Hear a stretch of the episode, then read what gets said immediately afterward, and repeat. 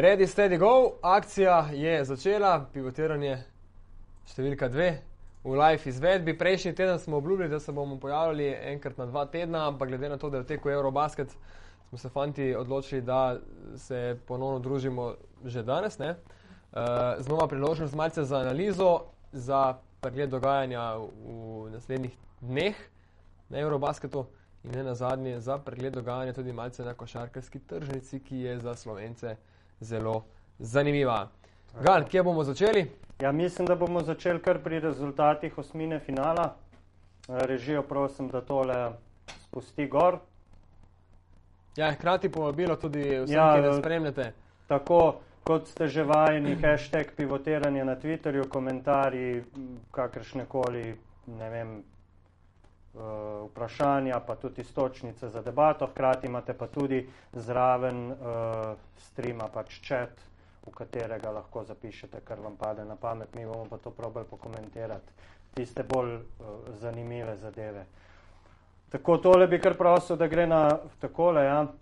Uh, prva tekma Latvija-Slovenija za nas uh, neugodnih 73-66, to je bila prva tekma osmine finala, še pred sobotnim kosilom. Uh, ni se razpletlo tako, kot smo si želeli in tudi kot je bilo na nek način pričako za pričakovati. Ne? Ja, pravilno si povedal. Z nami je tudi, tudi Nec, kot ponovadi, iz daljne Nemčije. Tako, uh, zdaj v ozadju bomo imeli uh, vrhunce z te tekme. Uh, zdaj jaz sem v javnosti zasledil pač več komentarjev, ne, da, da je to domet te reprezentance, se pravi osmina finala. Se bom strinjal, je na nek način to, to domet te ekipe, ampak ko smo zvedeli, da bo nas, naš nasprotnik Latvija, poraz eh, po mojih kriterijih ne bi smel prideti v poštev. Zdaj pa me zanima, kaj vidva mislita. A je to realno stanje oziroma realen domet te ekipe ali bi morala La- Latvijo še premagati? Jaz mislim, da uh, bi jo morali in sicer na podlagi uh, igralskega kadra, ki je povsem primerljiv, nismo nič slabši na nobenem položaju od Latvicev. Uh, da ne govorim kontinuitete rezultatov v zadnjih letih. Slovenija od leta 2005 Uh, vsakič, vsaj v četrtfinalu Latvijci, pa mislim, da imajo najboljši izid deveto mesto. Ja, po teh kriterijih je to res. Uh, drugače pa se strinjam, da ta tekma bi jo morali zmagati, definitivno bi jo morali. Uh, več stvari je šlo na robe, predvsem nismo prikazali niti blizu te igre, vsaj kot smo jo kazali v Zagrebu, kjer, kjer tudi, če smo imeli težave, še posebej proti ekipam, ki smo jih nekako nominirali za slabše od naše, če smo imeli težave v napadu, smo to še zmeraj nekako reševali v obrambi, tako ali drugače. Uh, tukaj pa pač nismo bili. Meni se zdi, da smo bili, kljub temu, da je to največja floskola, prav za korak prepočasni in preutrujeni. In, in teža te tekme, mislim, da ni bila tako huda, kljub samo nekaj teh fantov v, v naši reprezentanci že odigralo tudi mogoče bolj pomembne tekme. od te. Ja. Tako da, ja, sigurno razočaranje, jaz mislim, da bi jo morali zmagati, po drugi strani pa za mene ni to neko preveliko razočaranje. Spomnimo se tudi tega, da ko so začele padati prve odpovedi in tako naprej, je tudi javnost začela že govoriti o tem, da če pridemo ven iz skupine, da smo lahko srečni, ne vem kaj. Ne? Ja, Zdaj, ko smo prišli ven iz skupine, pa tudi to pač nismo, ni v redu, ne, seveda. Jaz mislim, da je, da je to realno, po drugi strani se je pa dalo doseči sigurno četrt finale. Tako, to Tako. Ne, Za, Tako sem tok, da preskočim, boš, boš takoj dobil Miha besedo. Tukaj le imamo zdaj uh, postavo latvijske ekipe. Ne? Se pravi, če pogledamo igralce, kje igrajo, so tukaj le v, v, v veliki večini Vefriga, Ventspils, sem pa tja mogoče kakšen večji klub, ampak uh, mislim, da se naša ekipa stole lahko kosa brez kakršnih koli težav oziroma morala bi se. Zdaj ne vem, eh, kaj so to za te težave ali pa ne težave. Za me je ta tekma, ta par bil čistih 50-50. Zame pa Se pravi, en dan malo boljši dan, uh, mogoče je ena, ena zadeva, ki te malce ponese in si malce spredaj, mogoče ob takem dnevu, ko smo ga takrat imeli, si pač tisti korak zadaj. Igrali smo z njimi na prijateljskem obračunu, res da pri njih doma, izgubili. Torej, če ti dvakrat v dveh mesecih z nekom izgubiš, ne moreš trditi, da si proti njemu favorit, ker tega nisi pokazal niti enkrat, po, po mojem tem videnju. Sam igralski kader, ko ga omenjaš, pri nas smo imeli v tej zasedbi Slovenije eh, Zokija, ki je bil v NBA, pa pač z majhno minutažo, in edini Euroligaš, ki je bil, je bil Jaka Blažič v Crveni zvezi. Torej, tudi tukaj se mi ne zdi, da bi imeli tako ekstremno uh, Ne, super ni- dober ni kader. Boljši kader od od Ne vem, Latvije, ampak Latvija z Blumsom je igral, pa na Tinajkosu sicer ne z visoko minutažo. pri, V, pri 33. ja, vse vseeno, ima neko Ja. določeno kvaliteto in mogoče tudi zdi se mi, da je na naše igralce vplivalo prav to, da so bili v, v, v postavljeni pred dejstvo, da enostavno tekmo morajo dobiti, se pravi, ti izločilni boji. Da so tukaj mogoče pregoreli, vedno govorimo o tej izjemni želji, ki mora biti prisotna, o tej motivaciji, ampak če se to malce preskoči, potem ratajo roke, noge, mišice zakrčene, marsikateri odprt med potem ne gre noter. Predvsem pa me je v bistvu ne zmotil odnos, ampak zmotilo me je to, da smo zaostali za 4, 5 ali 6 točk, v drugi, tretji četrtini pa igrali tako zelo nervozno, kot da bi zaostali za 15 točk, kot da bi bila tekma izgubljena. Mi smo bili na Ja. dve žogi za njimi. Eh, Jaz sem vse čas čakal, da pač naredimo neko mini serijo, serijo, potegnemo in potem ustrajamo pri nekem rezultatu. Ampak dokler, kljub slabi tekmi, imaš pet točk zaostanka, sta to dejansko dva napada. In tukaj nisem videl, kako da ni nihče uspel, oziroma pač očitno se je to naselilo vse. Mogoče nam je manjko tukaj pravi vodja. Enostavno. Ja, jaz mislim, da tukaj je bila ena napaka, mogoče ne vem, v same odnose se ne morem spuščati, ker nisem bil tam, ampak recimo Zoran Dragič je odlično začel tekmo. Ne? In ne vem, eden od apostolatov košarke je menda tudi v tem, da pač igralca, ki je razpoložen, poskušamo jahati na tem valu nekaj časa. Ne? Seveda mu ne moreš ti zdaj poriniti Vse žoge. Ja. polčasu vse žoge, ne? ampak eh, v določenem momentu tekme, ko je on bil v igri, tudi je opravičljivo to, da so ga Latvijci malo bolj prijeli, ampak po drugi strani ga nismo več iskali nekaj časa. Potem je prišel pa krizni moment, pač mm -hmm. tisti ta glavni rezultatski krizni moment, ki je bil zadnjih pet minut tekme, ko se je začela zadeva pa res rušiti, si je pa preveč igralcev v določenem momentu vzelo ja, to svobodo. takšno svobodo in pravico. In tudi koncept, ki se je potem še do konca porušil, je ta, da medtem ko smo včasih govorili in želeli, da igramo več po globini, smo igrali sedaj v nepravih trenutkih po globini, namesto da bi iskali varianto eh, po širini s prodorom in podajo ven Ja. ali karkoli. In rezultat tega je bil to. Eh, Kar se tiče pa tega, jaz sem nekje na polovici med vama, ne samo tako v studiu, ampak tudi na splošno. Um, ja, jaz tudi mislim, da smo po imenih boljši od Latvije, po drugi strani se pa tudi strinjam, da to, da smo po imenih boljši od Latvije, ne pomeni nič in da ta razlika je dobesedno v enem procentu, 51, 49, No, okej. 100 postavo. 100 postavo. Pravi, mi bolj jahamo na tem segmentu, tudi da smo pač zadnjih toliko in toliko let, ne glede na uvrstitve, ki nikoli ne zadovoljijo naše javnosti, vseeno bili v neki kontinuiteti, ne vem, Ja, četrtega, napram Latviji. petega, Povej, nek, nek renome Imamo- Slovenija ima. renome imamo, ne? Ja. Ne imamo tist nekaj v sebi, Ja, s katerim to- pač Težje je, če ti prvič naskakuješ Ja, četrt finale. Ampak jaz se s tem strinjam, kaj pa je, kaj, s čim se pa ne strinjam, je pa da je bila razlika tako ogromna, da bi mi morali Latvijo Ne, kakorkoli ne. povoziti. Pa kaj ne sni Latvija eh, izločila pred ne vem, šestimi Ja. leti? Ne, ne, Ne, mislim, ne. da mislim, da Bilo 2001. 2, 2, Aha, dva, ena, okej, Turčija, okej, okej, ja. pardon. Vojna v Turčiji, ja. Turčija. Kaspar Skambala. Jaz mislim, da je tudi fajn, da zdaj, ko smo mi trije povedali svoje, nec, Evo, je- tako še Študgart naj pove svoje mnenje. Študgart, alo Študgart. Ja, pozdravljeni. Uh, moje videnje vsega skupaj je precej podobno, ampak z eno razliko. Ne? Uh, jaz sem tudi pred samim začetkom prvenstva povedal, da uh, vstop v osmino finala bo za me velik uspeh in pri tem ostajam. Ne? Ja, Je videl je. dejstvo, da je Zdovc izjemno dvignil to reprezentanco, uh, jo spravil na nek celo mogoče več kot optimalen maksimum in seveda po grupni fazi so nekako tudi apetiti zrasli. Ne? Jaz sem se najbolj bal, da bomo iz te grupe mogoče dobili ali Litvo ali pa Belgijo, ker se mi je zdela Belgija mogoče celo še bolj neugodna, čeprav so jo pol Grki zgazdili. In uh, v sami tekmi so tukaj imeli, po mojem, največjo prednost Latvijci in to, ker so imeli organizatorje igre. Naš edini pravi deklarirani organizator igre je Luka Rupnik, ki, kolikor vemo, ni igral. Ne? In uh, jasno je, tekma živcev tukaj tudi naredila svoje, da so enostavno igralci pozabili teč tudi. Tako da ni, pri, ni bilo do tega, da smo zgrešili odprte mete. Mi odprtih metov praktično nismo imeli, ki bi jih zgrešili. Najbolj pa pri vsej stvari bode v oči je to, da je najbolj zatajila centrska linija. In to govorimo tukaj o ljudeh, ki so pa že vse čas zraven in so izkušeni. Ne?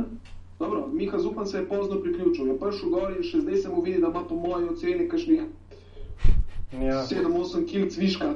Ne?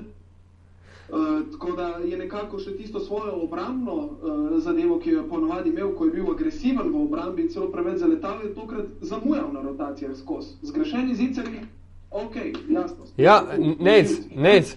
Tukaj ne igra vloge, ne, to, ne, to ne igra vloge, če je on prej pet tekem odigral ali pa vsi skupaj v kompletu na zelo zadovoljivem ali pa solidnem nivoju.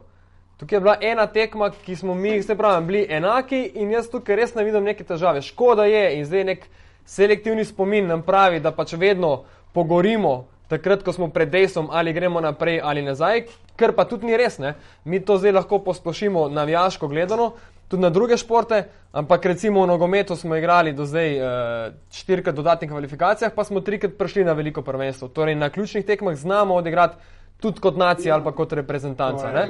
In ta isti Miha Zupan je pet tekem, pet tekem v skupini so odigrali čisto ok. Ne? Ja, sej. Ampak mislim, da je sprememba tekmovalnega sistema, da se pravi po tem pretekmovalnem delu imaš osmino finala, očitno naši reprezentanci naredili medvedjo uslugo, ker kakorkoli, fuzbaleri gor ali dol, tudi pri Srbih, imaš ti košarkare, ki so se osvojili že vse, kar se je osvojiti dalo, in imaš pa fuzbalerje, ki so kje. Zeleno krlevšo na, na, Ja.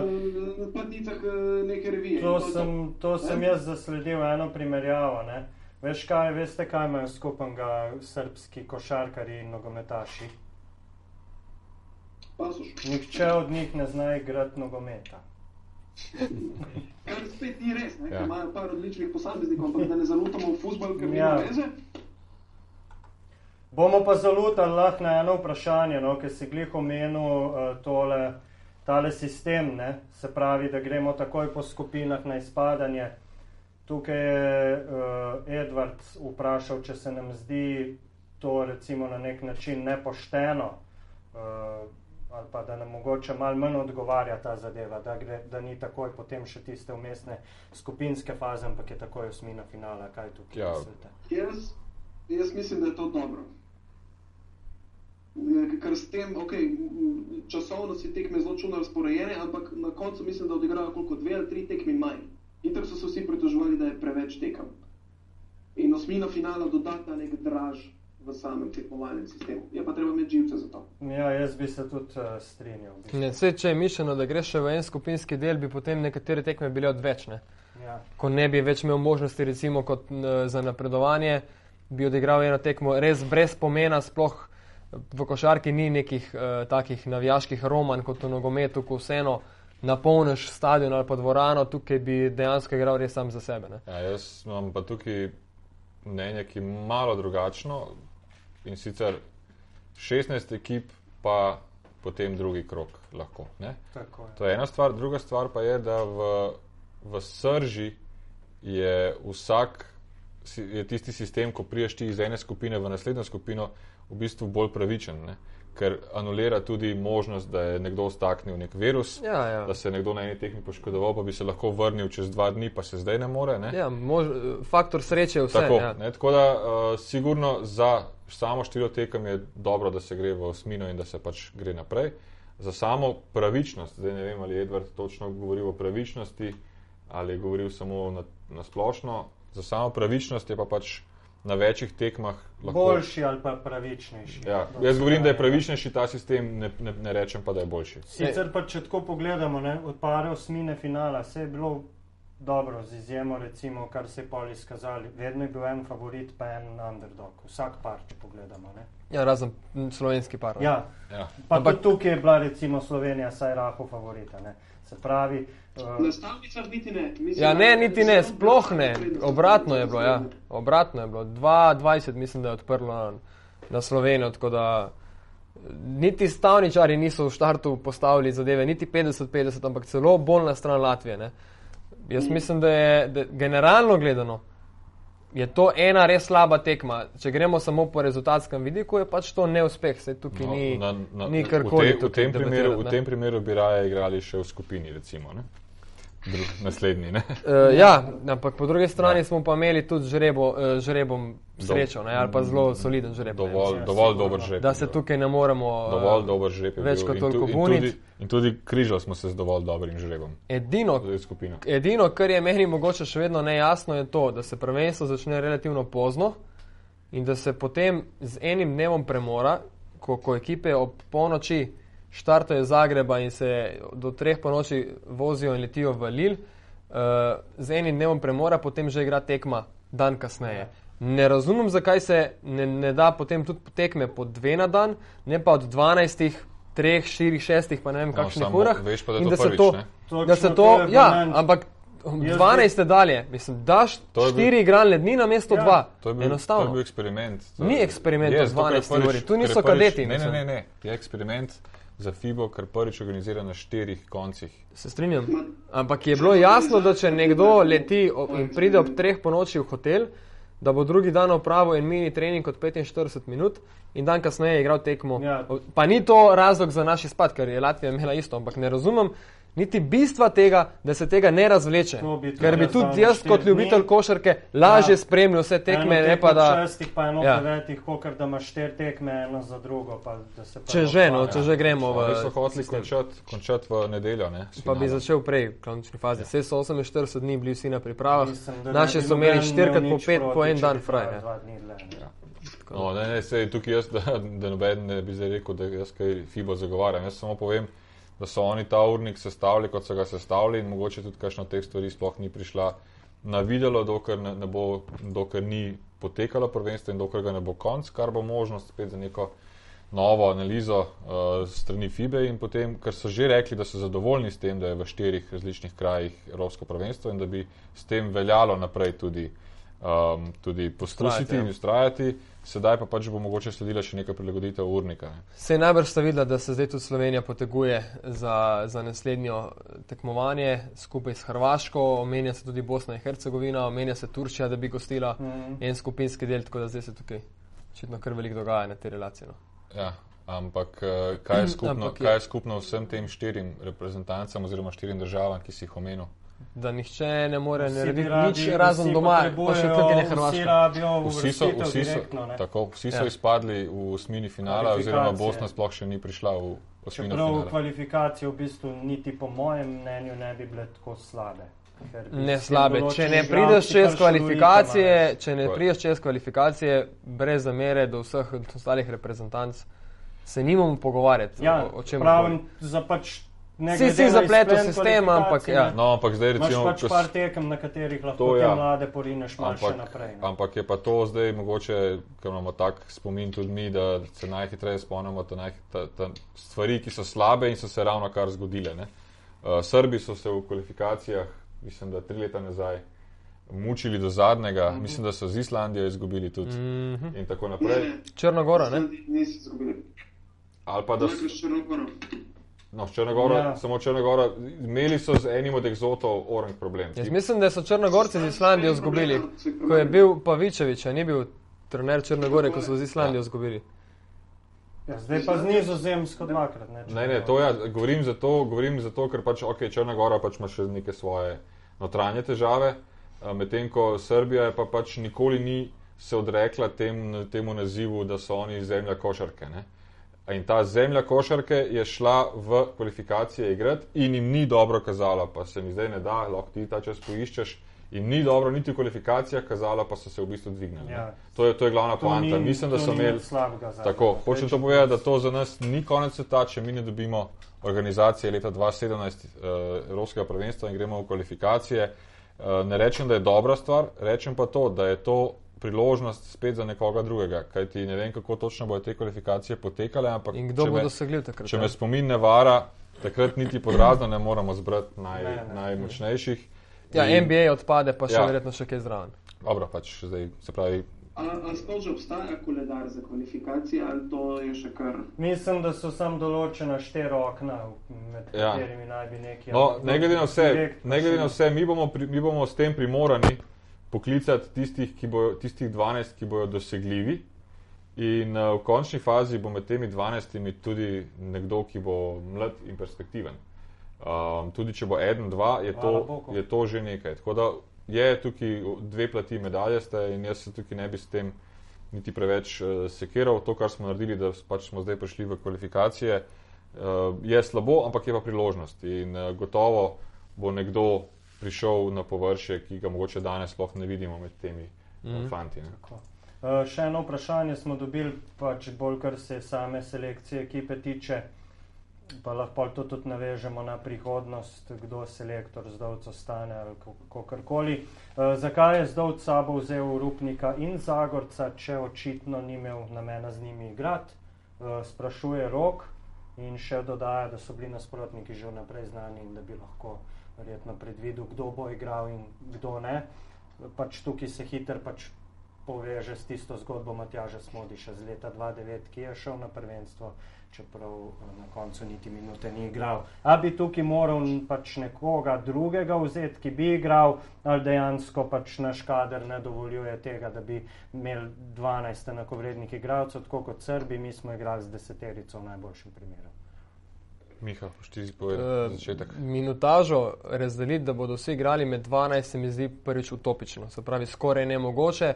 Tisti 11 in 12 igralec je že na nek način pred prvenstvom jasno, da boste igrali res v izrednih primerih, v primeru bolezni, poškodbe uh, ali pa takrat, ko so tekme odločene.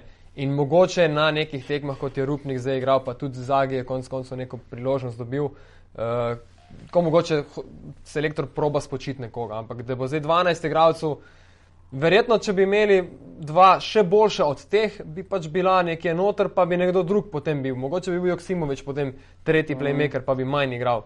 Torej, mislim, da deset igralcev, s katerimi največ rotiraš, da je to nek optimum, manj bi bilo problem, eh, več pa v končni fazi tudi. No. Eh, koga bi pa na mesto teh vzel, pa enostavno bil je praktično samo Luka Dimec, uh, neka opcija. Žiga, Žiga, ja. Žiga pardon. Ja.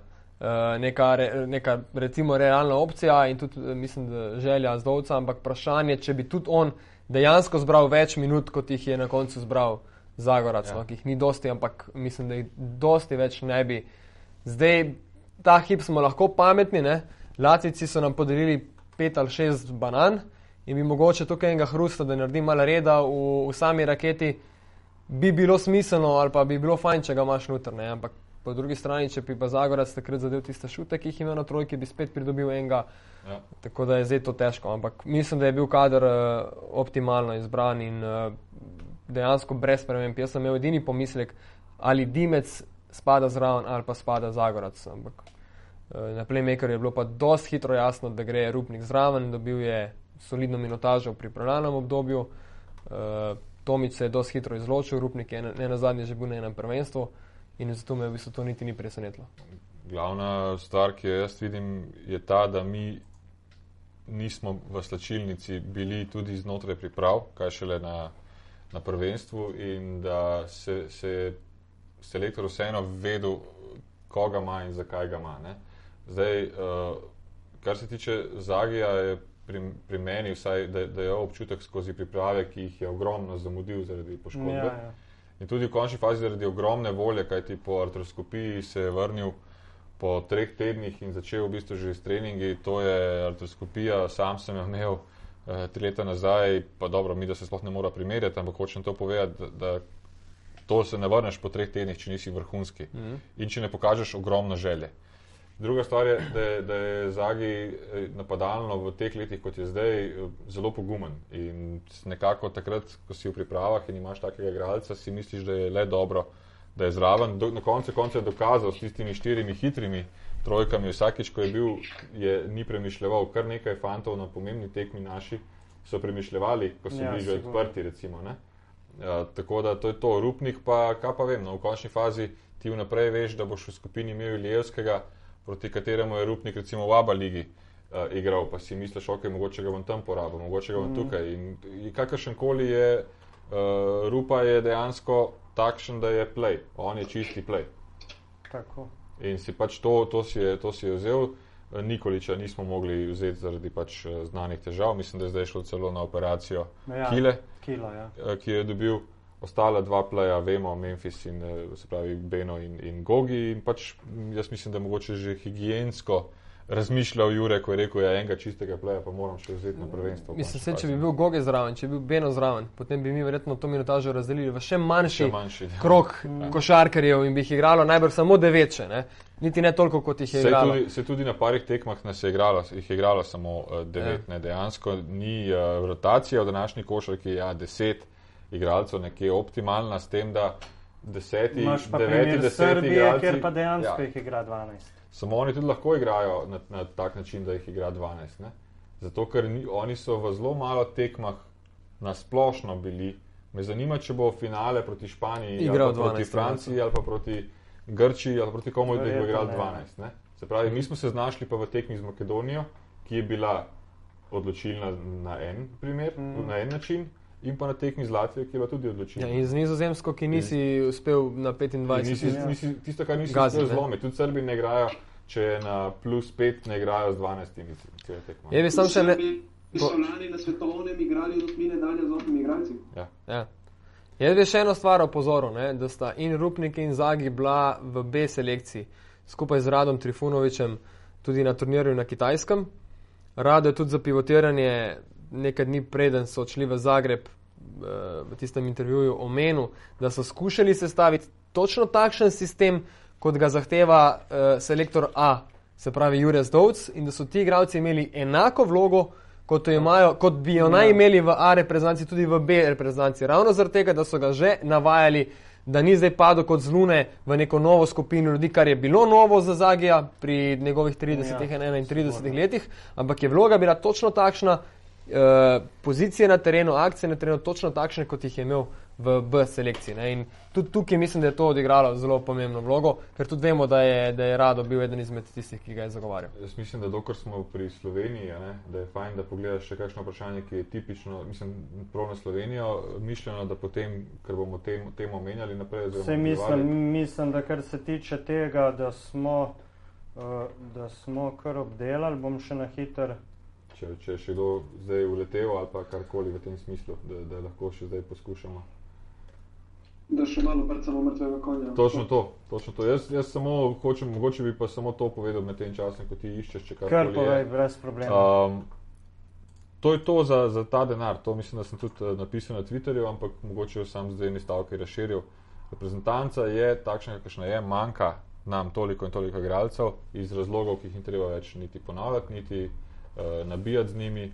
In približno toliko smo vredni, se pravi, da os, tekmo z uh, osmino finala dobimo ali pa izgubimo, glede na nasprotnika in glede na naš dober ali slab dan. Točno tako. To je to. Latvijci so igrali brez enega pomembnega igralca, ne? mi pa brez ne vem, treh, štirih iz prve peterke. ne. Mislim, da Latvici dveh, eh, dveh imeli. dveh.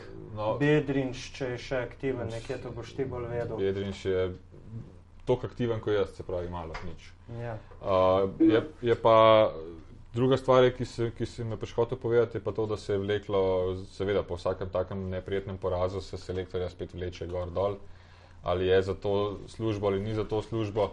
Um, mislim, da sem že na parih prenosih na tem prvenstvu slišal za določenega selektorja, da je, da je pač že pet let, šest let, osem let ne, selektor in uh, jaz nisem za to, da se po vsaki zadevi enostavno menja ljudi. V končni fazi bomo, smo zdaj menjali smo ga za 2-9, smo njega zamenjali, se pravi Pipa na 2-7 na njega, potem smo zamenjali njega z Božotom, potem smo zamenjali spet njega nazaj in ta kontinuiteta ne obstaja eh, do, do te mere, da si mi lahko privoščimo po vsakem evropskem prvenstvu, ki je bilo na dve leti imeti različne selektorje. Zdaj pa, če pomislim pa od same osamosvojitve, mi smo država, ki smo stari koliko 24 let, pa zdaj mi pomagajte. Je bil Sagadin, Mhm. ja, je bil Pipan, Ja. je bil Urle, je bil, Urle, Ja. je bil Drvarič, Pixi. Zrinski, je bil Subotič, je bil Zrinski, je bil Zdovc, je bil Malkovič. Kdo ni bil? To je osem, Večinovič, Memi, ja. Bečerovič devet, devet, devet selektorjev najmanj. To smo zdaj na hitro povedali. ni- ne A da Janez Drvelič nima. Smo rekli. Je bil. Devet selektorjev v 24 letih. Ne? To, to je malo več kot en cikl, se pravi dveh let, eno evropsko prvenstvo. Zdaj pa, Ja, ti moraš vedeti, da je v Sloveniji 2 milijona selektorjev in moraš dobro, pazi, ni, ni, ni, ni v Sloveniji 2 milijona selektorjev, v Srbiji jih je 7 milijonov, razumeš, na Hrvaškem jih je 4,5. To so te države, ki imajo tol, tako rade košarko, da zaradi tega je toliko selektorjev. Ne? Ampak dejstvo je, da mi, če smo 9 selektorjev v 24 letih uh, zamenjali, da enostavno nismo nikoli ustvarili te kontinuitete, da bi nekdo rekel, aha, ti si pa 5-6 let in boš oddelal dve evropski, pa ne vem, dve svetovni porkaduš, ne? ali pa karkoli v tem smislu, pa bomo potem lahko nekaj ocenjevali. Ne? Pri nas se tudi priložnost marsikomu ne da na ta način, da se ga pusti, tudi če ima eno prvenstvo, ki ne gre skozi. In jaz mislim, da, da, da če, če kdaj, zdaj menjamo spet dodatno generacijo, imamo Ja. generacije, ki prihajajo, da je treba enostavno zdovce pustiti pri miru, da človek dela v miru. Ker zdovc ni najbolj idealen trener na svetu, v končni fazi pa je tudi ogromno slabših trenerjev od njega in jaz mislim, da znotraj Slovenije, razen če gremo spet v te zgodbe, pa iskati ne vem, Obradoviča, pa iskati Američana, ki bo, ko- kot jaz Američane poznam, ki bo prišel v Slovenijo pa obljubljal, da bomo mi grizli parket, pa da bomo mi se borili srcem za to državo. To so To stvari, tako, to so stvari. Če na tem prvenstvu nisem mogel neki, nekaj ekstra zameriti igralcem, nisem mogel zameriti to, da bi rekel, da so se stalno vlekli po tleh, pa da jih je brigal, pa da so se ne vem kaj, da jih, da jih ni zanimal. In pa zadnja stvar, ki je pa čisto iz človeške plati, takšni, kakršni so bili igralci, takšne, kakršne so bile igre, je nekdo, se pravi, te igralci in ta štab, štab mogoče neka plačilo, igralci pa mislim, da dnevnice, dal dva meseca lepega, krasnega poletja za to državo. In je dobil, pač nekateri so si pomagali tudi sami sebi, če so dobro igrali, so lahko tudi nek, neko pogodbo podpisali, ampak uh, ni to bil sigurno glavni namen teh športnikov, mi jih tudi nekaj poznamo, da so šli dva meseca poletna v bistvu garati za to, da bodo dobili eno pogodbo, ker sam od sebe pogodbe ne dobiš, če ne napreduješ. Ne? Mhm. In to mislim, da je en tak skupek teh stvari, za katere sem hotel povedati, da lahko smo razočarani, ker si želimo več, ne, ne rabimo pa tudi kot se, dva milijona selektorjev in kot nacija si zaradi tega, kar se je zgodilo zdaj na Evropskem prvenstvu, pač ne rabimo žile rezati. Ja, ampak to je razočaranje zaradi rezultata. To je lekcija, ki smo jo dobili, jo bo treba težko sicer pogodniti, ampak drame delati zaradi tega jaz resnično ne vidim v tem Ne. sistemu, ker se mi je zdelo, kot sem prej omenil, da je to tekma, egal tekma, ki bo pač odločala žoga dve. Uh, žal pa smo imeli res najslabši dan na, na, na tem. Zdaj, kaj je pa tukaj botrovalo? Ne? Jure je zdaj že omenil neke mogoče konflikte igralcev, sicer on je to vse zapakiral v sistem, da konflikti morajo obstajati. Uh, vemo, da je. Kaj? Je res, Ja, biti. vemo pa, da je recimo Zoki na eni tekmi igral 13 minut, to je bila uh, druga tekma. Ne? Sam mislim, da Eh, je bil s Favljem obremenjen. Ja. Ja. bil je, ampak so že bile tako malo pomenljive izjave skozi medije, tako da jaz ne vem, ali se je tukaj tudi kaj dogajalo, ali se je kaj pletlo v zadju, ali se ni. Dejstvo je, da smo prišli v, v pozicijo, ko na odločilni tekmi nismo imeli na igrišču vodje in da Jure Zovc zdaj po prvenstvu razlaga, da sicer ne ve, kako je z njegovo prihodnostjo, ampak da bi si tudi, danes sem mislim, da v dnevniku prebral, verjetno po njegovem mnenju nekateri igralci želeli, da on ne bi bil več selektor. Zdaj, ali je tukaj preko vrstic želel kaj povedati vsem, ne vem. Uh, se pa tudi že omenjajo imena selektorjev in uh, najbolj direktno je uh, selektor Gruzije, ta hip, Kokoško, Kokoškov. Ki je bil Kandidat kandidat, že večkrat. ja. In če grem tukaj še en korak dalje, ampak zgolj v špekulaciji, vemo, da je tudi on z, z Goranom Dragičem in z njihovo družino v bistvu dost povezan no, na nek Ja. način. Navijala mama, dragi. so navijali že prej, ok. Mm. In ne vem, ali je tukaj kaj, lahko iščemo zaroto, lahko o tem eh, razpravljamo, najbrž bo čas pokazal, na, uh, če je bilo kaj na tem. Ja, samo Kokoškov je odličen trener. Rezultat je bil Ampak- isti, ne? Da smo si na jasnem. Samo, samo Kokoškov je imel recimo za mene trenutno pri sebi celo bolj talentirana reprezentanca kot naša. Peterko. In to kako? Jaz Ja. bi, ne, jaz bi rekel Peterko. Lej, peterka, ja, se mi pa nismo imeli 11 terko, Neki- 12 terko. da. ne, veš, Mi smo imeli, mi smo imeli tudi, Tam zadnja njegova klop slabša od naše. prosim. Tam, tam. njegova klop ni bila slabša od naše. Ja, pa tudi če je bila slabša, pač izkoristiš tako, da, da, da pač to peterko, katero imaš, ki je boljša od naše peterke, narediš več. Ampak ni bila zdaj to kritika, nekaj drugega je. Um, Kokoškov tudi ne bo prišel v Slovenijo za denar, ki ga dobiva Jurez Dovc, ne? ampak bo šel bolj v smeri uh, Bože Malkoviča. Ne? Se tudi ne more priti pa reči, na naslednjem evropskem bo medalja, ker, ker je brez veze. Ja, se, no, Potem- ravno, ravno, tem, Ne, sej. ravno o tem jaz govorim. Ne? Mislim, zdaj pa t, t, nekateri igralci ali pa selektor, pa to je treba biti tudi malo že odrasel. Ne? Jaz pa pač zdaj bom užaljen, pa ne bom igral, če boš ti treniral, ti pa, ti pa ne boš povabljen na reprezentanco, če bom jaz selektor. kaj. Pa pa brez veze, pa pa zaprimo ključavnico, lepo pa gremo vsak po svoje, pa se pejmo sam še basketa tam na osnovni šoli Jarše. In to je to. Ne, to pa pač mi ne moramo vplivati tukaj, kak, kakršna koli so naša mnenja. Meni je vseeno, če je selektor moj dedek od jutri naprej, samo da bo od jutri naprej kontinuiteta in da bo uspelo, uspelo vodstvo KZS s svojim delom pripeljati najboljše možne igralce slovenske ob primernih časih, zato da se pač nekaj, nek dober rezultat naredi. Eh, Je pa tukaj seveda še en, en, ena druga točka, ki pa je še bolj pomembna za, za budučnost, je pa to, da mi moramo pač to reprezentanco spet osvežiti, da moramo določene stvari, ki sem jih že v preteklosti govoril, mladi, ki so, nekaj jih je, eh, ni črno, kot marsikdo misli, da je, samo pač te mladi še nismo z imeni in priimki jih vse označili, ker so nekateri še premladi, da bi lahko to govorili, da so to za reprezentanco bodoči, ampak imamo nekaj spet novih žezl v ognju, manjka nam dejansko samo petica, to je res, mi višine nimamo, ampak to pa spet lahko v končni fazi kasneje rešujemo z novimi naturalizacijami, naturalizacijami če je potrebno. Je treba samo to prebroditi in zato je potrebna kontinuiteta. Če bi mi imeli zdaj deset NBA igralcev, ki so nam odpovedali, pa je bil to problem, potem selektorja lahko zamenjaš, pa drugega na- nabavaš, pa bo drugi selektor pripeljal teh deset NBA-jevcev, pa bomo usvojili medalje. Ker pa nas čaka neka menjava tudi v igralskem kadru, pa po mojem oceni je edino prav, da selektor ostane, da nek sistem ostane in da novi igralci se umestijo v ta sistem, ko se odzovejo reprezentanci. To se tudi jaz strinjam, pač, tako kot je rekel, mislim, da predsednika za vse, vsi imamo boljšega.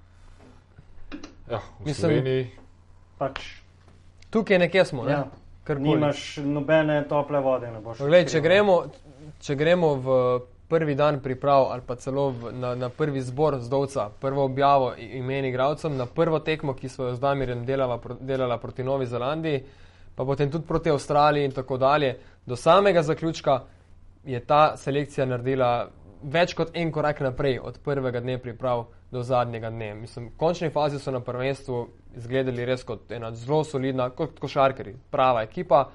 Um, ampak bo pa pač Latvija ostala kot nek priokus ja. vsemu skupaj. sigurno. Temu pa pač ne moremo zbežati in vse fantom verjetno še, še teže kot vsem nam. Verjetno tudi zaradi tega, kot je mislim, da Zoki že rekel, ker vejo, da so boljši od Latvije, ker so to čutili v sebi, pa pač enostavno niso mogli tega tisti moment pokazati. Zdaj, mogoče pa ni, ne vem, z pravega testa Ja. Bil eden ali pa dva posameznika vmes, ki bi tisti moment nekaj naredila. Ne. Je pa res, da je pa res samo še to, no. Samo še to, ne. Enega pravega deklariranega fajterja. To je to. Pa Ne, mislim, da, mislim, da Vse ne gre samo za, za fajterje, ne. mi smo grešili zicerje. Zicerje, mislim, da je imel Zupan 4-1, Ja, ne vem, po, po kar na 6-2, polaganje tako nonšalantno. pet pa banan in tako naprej. Se pravi, nismo zdaj imeli neko težavo v borbenosti, da bi nas oni zgazili. Mi smo imeli v srcu rakete na zicerih, mislim, na zicerih. Na trenutke je izgledalo, kot da igramo proti Dream Teamu. Koliko bolj atletski so bili od nas, koliko bolj gibljivi so bili od nas. To je samo anticipacija, pa želja, po mojem. Mislim, mislim, da je zakrčenost, ne želja. tiče Želja je bila mogoče prevelika. Ravno zaradi tega, ker smo igrali proti reprezentanci, s katero smo se že vsi nekako videli, da jo preskočimo in že razmišljamo o Franciji v, v naslednji fazi. Ne? Mogoče pa te kvalitete kot Srbija, ki je imela težavo s Finsko, ki je potem na koncu sicer visoko zmagala, toliko pa mogoče nimamo ta hip. Ne? No, pa dajmo pogledati samo to. Problem je to napadalni potencial. to potrditev, to, pot, ja, pač tako je. To potrditev kontinuitete eh, se mi zdi, da lahko letos dokaže Jaka Blažič. ki se lansko leto v zdolčenem sistemu ni znajdel skoraj nič. Ne, ni se znajdel na začetku priprav. In, No, evo tukaj si bomo zdaj lahko tudi pogledali statistiko, je- tem- na screenu. in je v tem, v tem prvenstvu v bistvu že nekako razumel, kaj mora in kaj ne sme. In tudi po pogovoru z Dovcem po lanskem prvenstvu in po pogovoru z Dovcem in začetku, začetkom priprav letošnjega cikla je tudi sam povedal, da je on v glavi neke stvari moral spremeniti in da je imel selektor prav. In ko je te stvari spremenil, je kljub vsemu dobil veliko več, mm. ne samo minutaže, ni tukaj samo minutaža, pa tudi vlogo in odgovornosti dobil.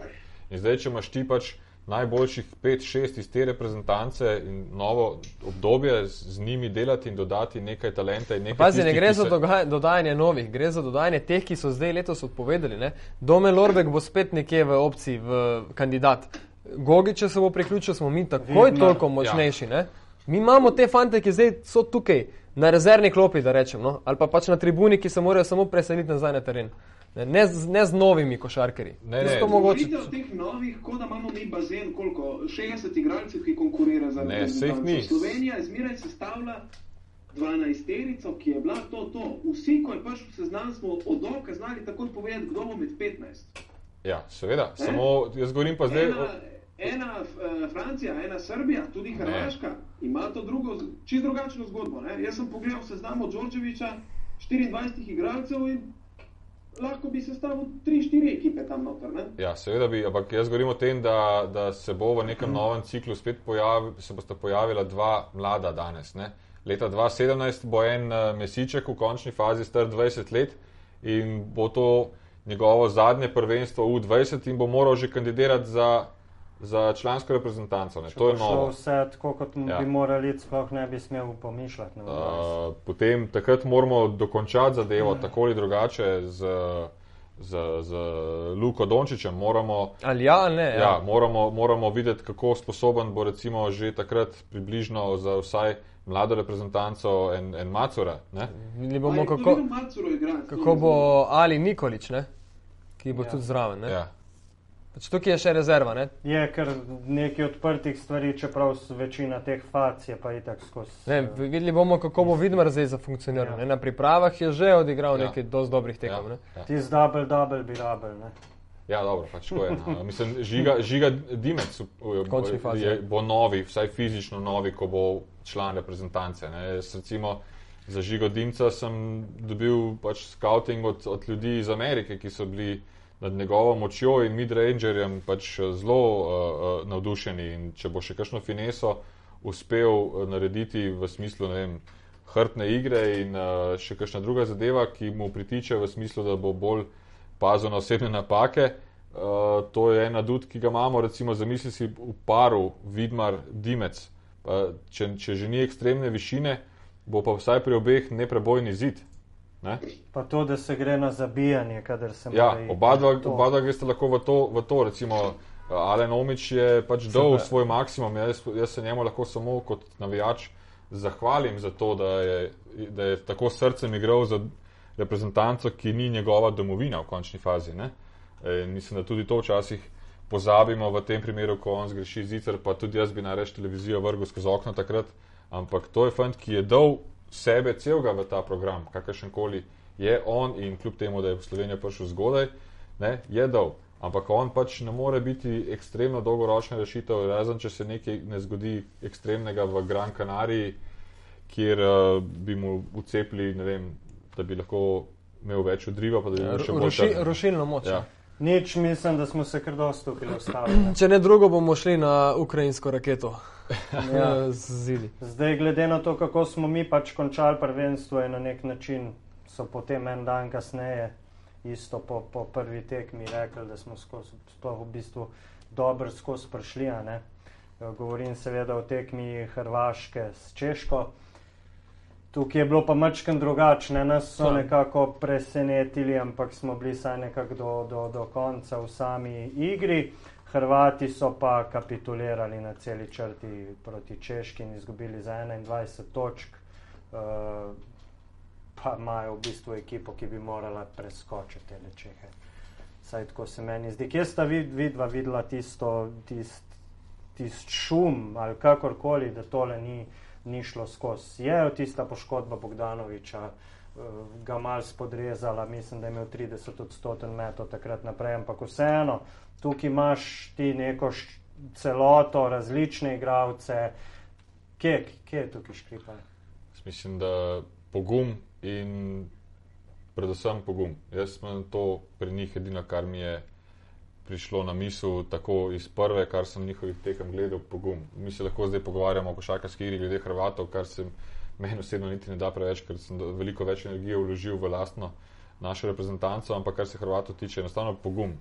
In, in tudi vodja, uh, vodja je bilo usiljeno uh, Bogdanoviču, da je vodja, on pa pač ni tak tip, da je vodja. Čisto preprosto, on je tak tip, da je vodja in pač ni to ni to. to. Po imenih po imenih bi morali več narediti, absolutno in to veliko več. Samo po drugi strani se pa mi lahko tudi nekatere države z našo ured nehamo zafrkavati s tem, koga dobimo v žebu, pa s kom kaj igramo. Kaj ti je ena češka danes eh, z bodočim MBA-cem Satoranskim, ki bo igral naslednje leto v Washingtonu, eh, z veseljem, ki je kakršen koli že je. Bo, ja, to bomo še videli, če se bo vrnil, kdo ga hoče sploh tam, tazga, ker ima težave z metom, velike težave. Uh, potem oni so naredili tudi reprezentanco na ta način, da je en Luboš Barton mu ni počastjo pri 35 letih in svetovnih ves, uh, klubih, v katerih je igral, sedeti dve, tri tekme zaporedoma z nula minutami mm.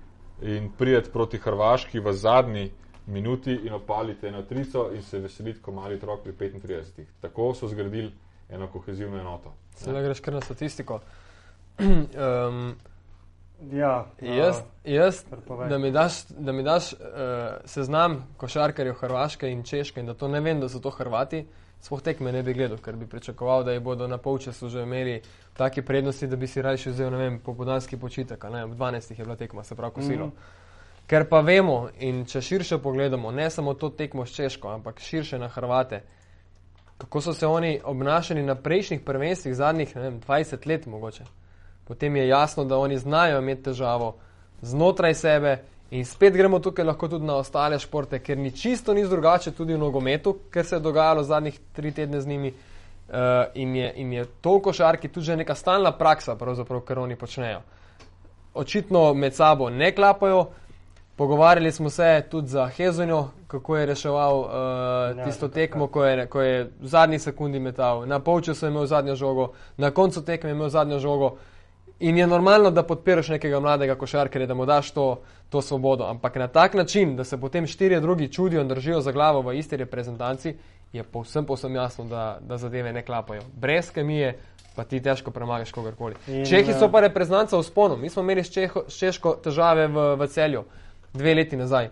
Imajo, mislim, enega. enega Atletski so vse, ni da ni, mislim. Tomaš Satoranski je nepričakovano mogoče dobo vlogo prvega pleja v Barceloni. Evo, pa gremo zdaj na, na imena igralcev, ko smo prej že primerjali nekaj. Ja. Tip je igral več kot pa je imel pred sabo Marcelina Huertasa, ki je imel veliko kapitala, veliko možnosti, da je kljub slabšim predstavam še vedno prvi plej, pa mu je vzel to mesto. Torej, govorimo o košarkarjih, ki morda niso zdaj bili do tega trenutka še neka svetovna vele sila, ampak to so fanti, ki, ki so pač v zadnji sezoni po večini imeli zelo solidno, zelo solidno leto. Slovenski tudi prvi podajalec prvenstva. Ja, no, pa ja. no. Jelinek, Pumperla, to so tudi igralci, ki so okusili, okusili uh, špansko ligo ja, v končni okay. fazi. Ne. Pri nas recimo v španski ligi uh, iz reprezentance Slokar, uh, Omič jo bo šele sedaj okusil, pa recimo govorimo o španski ligi, ki je pač po mojem videnju Eh, dru, druga liga pomoči za pač NBA, seveda, ki je prva. Tako, da Čehi nikakor niso naivni. Mi smo enostavno te stvari tudi malo. Mi jih imamo za Čehe, ker pač klubsko oni ne uspejo tako, dosegati rezultatov. Tako, tako. Mi smo pa imeli pač Olimpijo, ampak ta hip tudi mi nimamo Euroligaša in tudi v Euro, Evropskem pokalu nimamo kluba, ki bi, ki bi dosegal neke rezultate. Ne? Ja. Se je pa zdaj, pač, a si mislil kaj nec povedati? Ja, jaz sem, jaz no, sem slišal, kar... da so Hrvati namerno izgubili, zato da se izognejo Srbiji v četrtfinalu. Ja. Uh, se je pa po tem, po tem porazu so se pač oglasili uh, nekdani košarkari, nekdani trenerji, ne, kar je na Hrvaškem pa v Srbiji še to desetkrat hujše kot pri nas. Sem neki danes zasledil v medijih, ne strani samih eh, slovenskih reprezentantov šta, ali štaba, ampak nekaterih navijačev, eh, ki so se pač nekaj niso strinjali z medijsko obravnavo po, po izpadu Slovenije. Mislim, se, da, mislim jaz, da je bila čist fer, nobenih ni pribijal na križ nesmiselno. Pri Hrvatih je pa to čist nekaj drugega. Ne. Zdaj imamo tukaj le Aco Petrovič, tudi nekdani selektor, uh, je ta poraz označil za bolan poraz in da je čas za čistko, se pravi, odrezati 5, 6, 7. Ampak ne vem, koga bi oni rezali, koga bi čistko. Oni čistko v glavah, edino, nikjer druge. Ja, ne pojmi, sem se. Ante Tomič igra za Barcelono. Ja, Res. Ante Tomič je prvi na listi za ja. odstrel. Torej, večina... če, če, če nima želje in volje igrati za reprezentanco, Jaz sem tukaj prvi, ki ga, ki ga ne rabim v tej reprezentanci. Jaz sem vedno zagovornik tega, da kdo ne želi, se ga ne sili. Pa ali je to naturaliziran košarkar ali je pač slovenci. In tudi Beno ali pa Saša Včič, ko v določenem obdobju nista želela igrati za Slovenijo, sem jaz to kupil kot vem, banane zjutraj v, v trgovini, če so zrele. Uh, se pravi, se ne obremenjujem s to zadevo. Jaz mislim, da je še ena stvar, da gremo bolj v ta košarkarski, prav tak, uh, analitični del. Um, Hrvaška, Slovenija in Srbija imajo še zmeri, bazeni so pač različni, talenti so različni, ampak v teh evropskih merilih bi lahko kotirala recimo Slovenija in Hrvaška uh, više kot sedaj. Ampak odvisno je tudi od trenerja, kako se postavi, oziroma selektorja, kako se postavi na določenem prvenstvu glede na igralce, ki jih dobi. Kaj ti?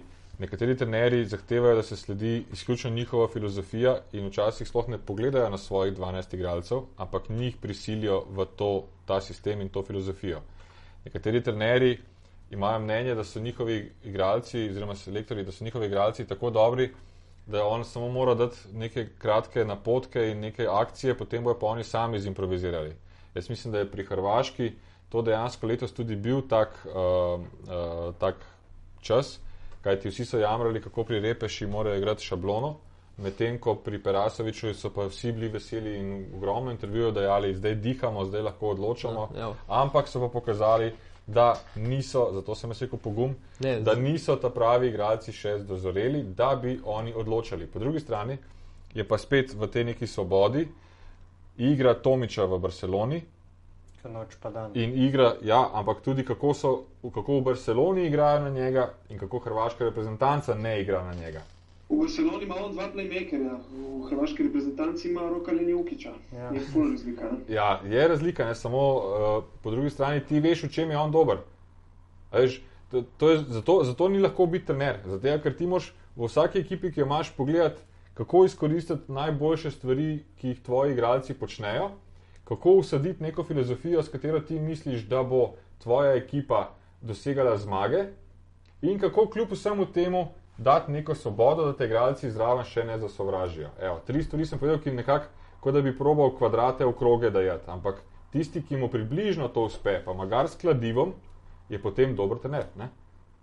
In, in trenerji delajo pa še celo leto v klubih in se tam tudi potrošijo na svoj način medtem ko potem pridejo v reprezentanco, kjer morajo to, te kvadrate v te kroge poskušati spraviti dobesedno v mesecu in pol. Ne? In če mi govorimo za ekipe, govorimo o, o klubskem delu, da se niso uigrali, da je oktober, da je november, uh, marsikatero ekipo potem rečemo, ja, od novega leta naprej so se popolnoma spremenili. Ja, to je vse spremljivo, medtem ko ti tukaj, tukaj v bistvu ekipo pripravljaš za 6, 8, 9 dni ali pa 5, 6, 7 tekem. Ne? In ti moš v tistem mesecu pa pol vse to narediti, in takrat, ko ti rata, si general, ko ti ne rata, kot rečejo v Srbiji, si pokojnik. Ne? Ja, uh, Hrvati se je kar velik plas usul in je tudi uh, pač Parasovič odstopil prva glava je odletela po, po Eurobasketu. Sedino pravilno, to, to je sramota, ja. ko, glede na to, kako Recimo, so oni. Na kakšen način imamo, so oni izpadli, ja. to je sramota. To ni slab dan, to ni bila ena žoga, to je bruka, res bruka. Dino Rađa je recimo rekel, da bi jih tu češka ženska reprezentanca pač eh, premagala in da pač res sramota. Je pa po drugi strani zdaj Hrvati tole bojo žvečali še nekaj časa, ampak pri njih se vedno uh, množično oglašajo nekdani igravci. ki pa zdaj pustimo, koliko so zdaj kompetentni, da, da sodijo o tem. Ne. Ja, v Eni glavnem, drugi manj. Pri njih je to velik neuspeh, tudi za košarkarsko javnost je to jasno, da je to velik neuspeh. In uh, morajo se vrniti k nekim koreninam, kjer ne morejo več živeti od slave Divca, uh, ne Divca, Rađe, Kukoča in, in Petroviča. In tega je že 20 let, kar so dobili karkoli omembe vrednega, kar se tiče medalje. In uh, enostavno, če bodo tiho in če bodo začeli delati, potem se lahko nekaj No. dobrega zgodi. In to je edino, kar mislim, da je prav. Neuspeh, neuspeh je na igralskem sistemu oziroma na igralskem rezultatu na celi črti, neuspeh je pa tudi v sami naciji in v navijaštvu. Slovenija igra ob treh popovdan in ima 5-6 tisoč gledalcev Mhm. na tekmi. Oni pa On igra zvečer večerno imajo- tekmo in jih je manj kot 5000. To je pa drugi neuspeh, ki lahko tudi sam vsak pri sebi, vsi ti, ki dajo te komentarje in navijači, ki zdaj zasuvajo s plazom kritik, malo razmislijo, kaj so sploh naredili za to, da bi te fante uh, pripeljali do točke, ko bi začeli dihati kot eno, zato da igrajo za njih, za te, ki so okoli. Pred prazno dvorano igrajo oni vsak za sebe. Hezon je pa prvi vrsti. Ja, no, samo se pa tudi to, kar si ti rekel, da si zasledil, da se pač obravnava v slovenskih medijih, da niso bili zadovoljni nekateri ljudje s tem. Ne. Um, mene pa zmotilo to, da sem, let, da sem danes v hrvaških medijih uh, prebral, da so te igralci človeška sramota za Hrvaško. Ja. A se vi zajebavate? Ja, dobro, oni grejo po preko, oni grejo pač do konca. To, to mislim, ti, In zato, je- jaz, in zato jaz vedno povdarjam, ko se slovenski športni delavci pritožujejo, da, da nekdo pametuje, da nekdo dela neke analize, za katere ni poklican. Ne? Pejt mal širše, pejt v Italijo, pa na Hrvaško, pa nikamor drugam, pa boš videl, kako se takrat pospremi in uspeh in neuspeh. Ne? Pač, Ja. za, Udri, ja. to No, je samo- njihovega, pač to je del njihovega druga, kruha druga in je to pa pač vseeno, da hvala Bogu mi nismo na takem nivoju. Kajti za mene niti en igralec reprezentance, katerekoli, ne samo slovenske, ne more biti človeška sramota. Veš kaj je človeška sramota? Pomeni, da si dva ubil. Ne? Ja, Ja, halo, se strinjam, mislim, da to pač. Dovolj, da ukradeš penzionere. Zaradi, zaradi teh, uh, zaradi teh nacionalnih, nacionalne zavesti ne to pol eskalira, pač, ampak lej, nimaš. Dosta Hrvatih. Ja, nič, kje se bomo še ustavili. Nekaj vprašanje, če imaš. Uh, Vprašanje. kar se vprašanj tiče, imam v bistvu kar direkt, gremo lahko. Uh, imamo iz Srbije eno vprašanje od Igorja, ki ga zanima najprej tole. Uh, komentar odhoda Jake Blažiča iz Crvene zvezde. Vemo, danes se je to zgodilo uradno, uh, pa bomo najprej na ta del vprašanja odgovorili. Kaj si vidva mislite o tem? Jaz mislim, da se je tukaj pač že, že zadeva napovedovala nekaj časa, tudi z, z okrepitvijo tem američanom Thompsonom, ki je prišel. Število tujcev, ki jih ima Uh, ja. temu, da bo jaka moral biti. Tako. Uh, zdaj pa kaj to pomeni za zvezdo, za njega. Zvezda je sigurno izgubila enega ljubljenca uh, občinstva, tudi na Twitterju so se navijači burno odzvali. Uh, kaj mislite zdaj? Miha. Uh, ta odhod se je najprej pričakoval že nekaj časa. Ne? On je imel, mislim, da je to že več kot mesec in pol aktualno. Uh, mi dva z Amirjem smo se pogovarjali z njim v Kidričevem na prvi prijateljski tekmi Slovenije, se pravi, ja, mesec in pol nazaj. Uh, in je rekel, da nima 2 plus 1, 1 plus 2, ampak da ima Ja, tri. triletno fiksno pogodbo. Torej, karkoli se z njim dogaja, je rekel, če ne bo prišlo do, se pravi, menedžer vse ureja, ureja uh, Vasar Media Group. Uh, in če ne bodo uredili nekega drugega angažmaja, jaz se po prvenstvu odpravim v Beograd na treninge. To je to, kar je on uh, vedel. Je pa tudi sam rekel, da pač dobiva informacije, da bere, da pač srpski mediji pišejo o tem, da zvezda več nima prostora za njega. Uh, Ryan Thompson, ki je zdaj tudi odigral eh, te že prve prijateljske tekme zvezdo, je pa meni sila podoben košarkar kot Ja. je Jaka Blažič. Mogoče je sicer ne ravno tako usmerjen v to improvizacijo, kot je Jale, pač izrazito, uh, izrazito tak košarkar, ampak isto, hiter, eksploziven, uh, soliden, zelo soliden, pa celo dober šuter. Ja. Tako da mogoče so dva ista, ne gre na tem istem položaju, pa še enega mladega imajo svojega tukaj, ki, ga, ki bi ga naj uh, poslali v ogen. Um, jaz sem pred dnevi že slišal neko informacijo, da je zanimiva opcija za Španija.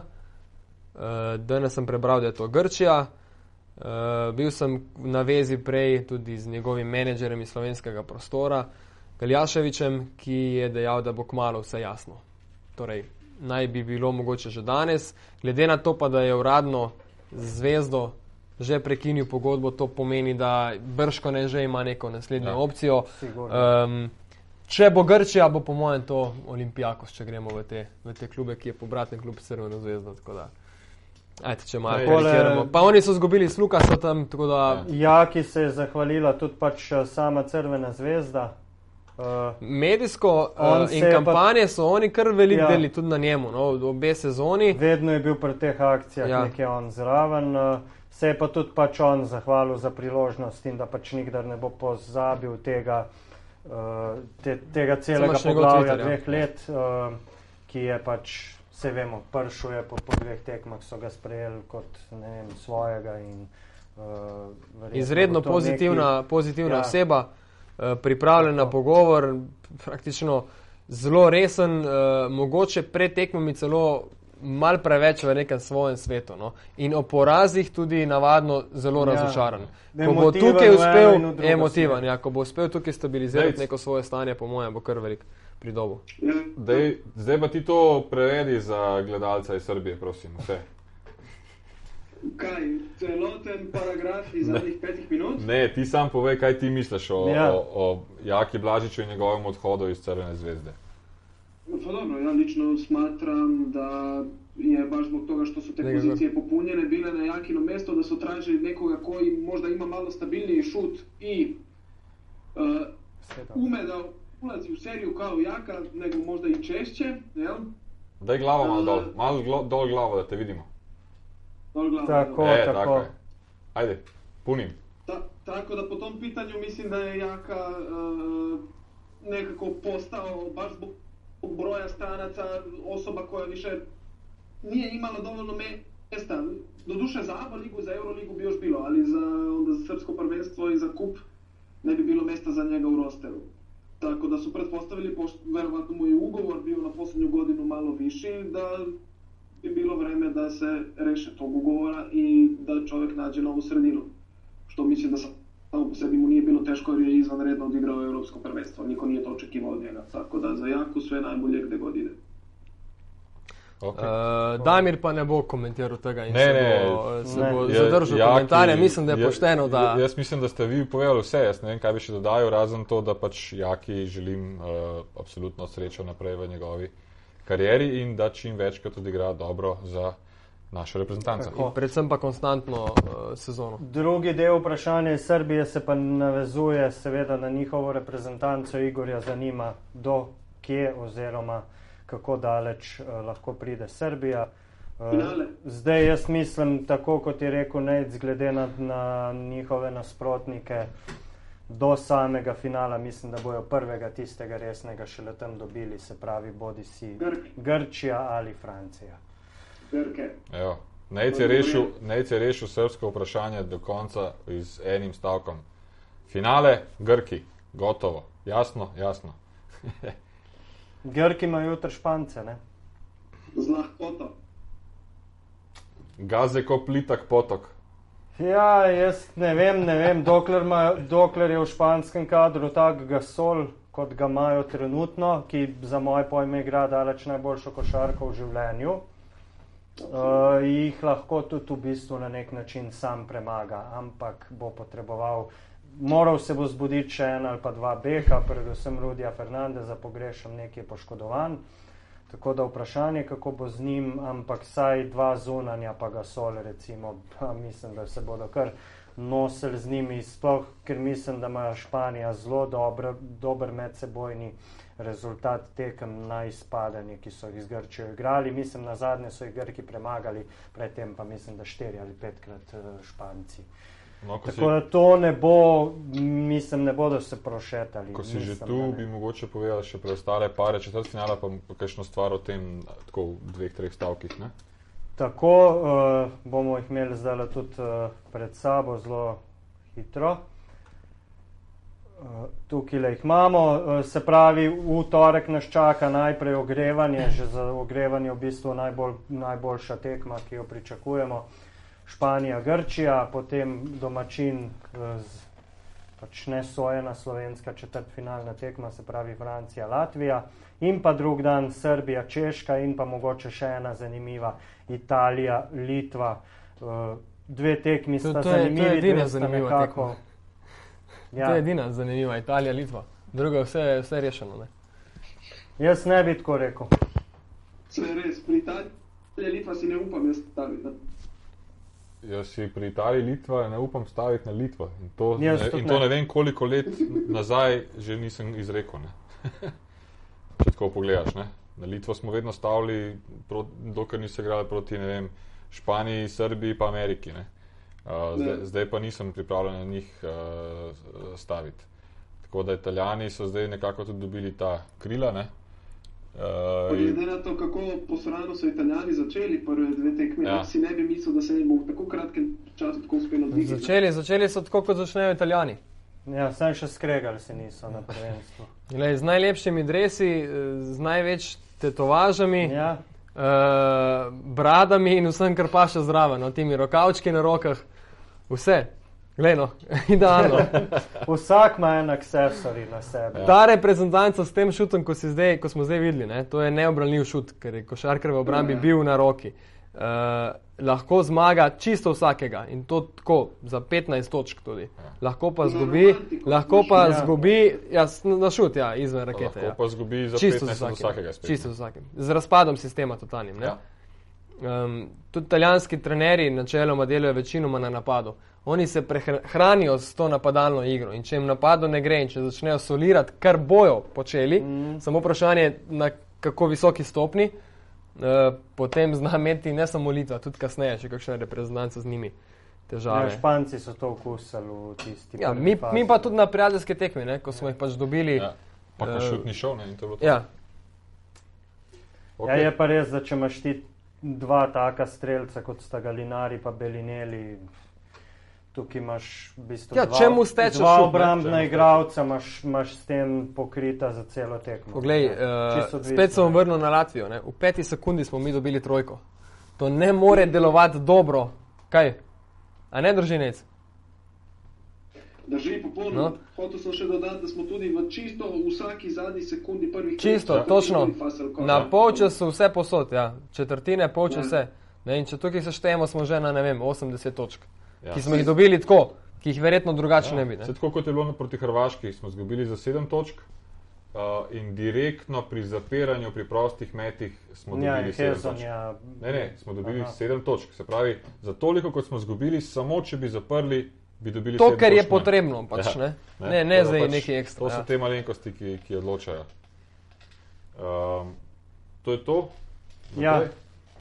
Ja, Nič, uh, se žbale bomo je še pri spomladi. kakšni tekmi ustavili ali gremo kar na kakšno zanimivost traje. Gremo, ne, zanimivo se smo zanimivosti zdaj. smo kar že smo Dobro, to je, pa, to je pa zdaj v bistvu najlepši del oddaje. Tako kot smo ravno govorili o Italijanih, ne, so si po včerajšnji zmagi prvoščili v svojem slogu takole kopel, ki jo bomo zdaj le videli. Uh, Achille Polonara je tole delil na Twitterju, zraven njega pa mislim, da Gentile, Aradori in pa Činčarini. Ja, Mislim, da. činča, ja. Reggio Emilia. Uh, gremo naprej. Uh, izjemna predstava Jonasa Mačulisa včeraj, indeks 50, uh, tako da so v Litvi že dali tisk nove bankovce, ki izgledajo približno takole kot na fotografiji. Mm. Zdaj imamo pa še dva, dve zadevi, ki nista pač čist eh, direktno povezana s tem prvenstvom. Uh, naš reprezentančni kapetan Goran Dragič v reprezentanci pogreša delivca banan Mirzo Begiča. Niso bile uvožene, ampak direkt od najboljšega soseda. In pa uh, eden najbolj zanimivih uh, Twitterašov na področju bivše Jugoslavije, Milan Dozet, ki je razložil, kdo in zakaj je plačeval tehnične napake v njegovi karieri. Tako. Ta tweet se nanaša seveda direkt na Vojoševiča, Ja. ki Ja. se je pogodil s Partizanom za minus 90 tisoč evrov od pogodbe, toliko pa znašajo vse njegove kazni in tehnične, ki jih je v zadnjih treh letih dobil. Ne? Lepa. Bi bilo že za eno pogodbo. Ti si pa dal gor, eh, kako so šli uh, Ercek, Raduljica in uh, Kalinič na baklavo z taksistom francoskim. Ja, Tunizijskim. S tunizijskim ja, taksistom, ja. Uh, bom probal tole zadevo najdeti. Ampak mislim, da če nihče ni delil od telih, da bom preveč. Mislim, da je bila dovolj retvitana, sorry, da sem te namočil. Ni, ni panike nobene. Mm. Ja, v bistvu nič nimam, nič mi ne najde. Mislim, da tisti, ki vejo, zakaj se gre, uh, že vedo, so že videli zadevo. Zdaj pa včeraj bomo se pa posvetili še eni mal bolj uh, žalostni vesti. Včeraj nas je zapustil Moses Manov, eden najboljših centrov v zgodovini uh, lige NBA. Mislim, da šestkrat najboljši skakalec lige, preko 20 tisoč uh, točk v karieri. Uh, zadaj se vrtijo njegove najboljše akcije, Damir bo pa povedal kaj več o njemu. Se mi zdi, da je najbolj poklican tole. Ja, mislim, najbolj poklican. Dejstvo je, da je bil, da je bil en najboljših centrov v zgodovini lige, ki je bil nažalost underrated, se pravi, o njemu se ni govorilo tako veliko, kajti bil je uh, igralec, ki je v bistvu ni nič ekstremno spektakularnega naredil. Uh, vidimo pa na posnetkih, da je bil fundamentalno odličen. Uh, in pa tudi, kljub temu, da je bil 208 cm visok, ni tako rekoč živel nad obročem, mm -hmm. ampak je živel okrog obroča. In to seveda ni, ni tako zanimivo prikazovati um, javnosti in na tem graditi ne vem, kakšne marketinške kampanje, kot so bili drugi centri v njegovem času. Uh, je pa bil v 70-ih letih, uh, je šel pa v ABA ligo direktno iz srednje šole, to, kar smo bili potem še navajeni, šele kasneje bolj. Ne? In je potem uh, bil draftiran strani um, Utah Stars, to je bila ena franšiza v ABA ligi leta 74, ki je bila potem, uh, ABA liga je pa razpadla leta 76, oziroma se je združila z NBA ligo in tako je pač sedaj ta moderna NBA liga eh, dobila še, mislim, da šest moštov. Druga stvar, ki sem pa želel povedati, je pa ta, da je on že bil upisan na univerzo in sicer v Maryland, kar ne ve ogromno število ljudi, ampak sem ta podatek po dolgih mukah nekje izbrskal. Je celo šel v poletno šolo eh, in soigralca njegova v, na, v, na univerzi Maryland bi bila pa John Lucas pa Brad Steven, ki sta z- ekstremno znana igralca Ja, v ja. NBA-ju. Uh, no, in v bistvu to, kar si ti povedal, sami statistiki, mislim, da je brezpredmetno še enkrat uh, razlagati. Uh, bil je navaden delavec, on je bil v košarkarskem smislu delavec, pod košem se je boril, rinil.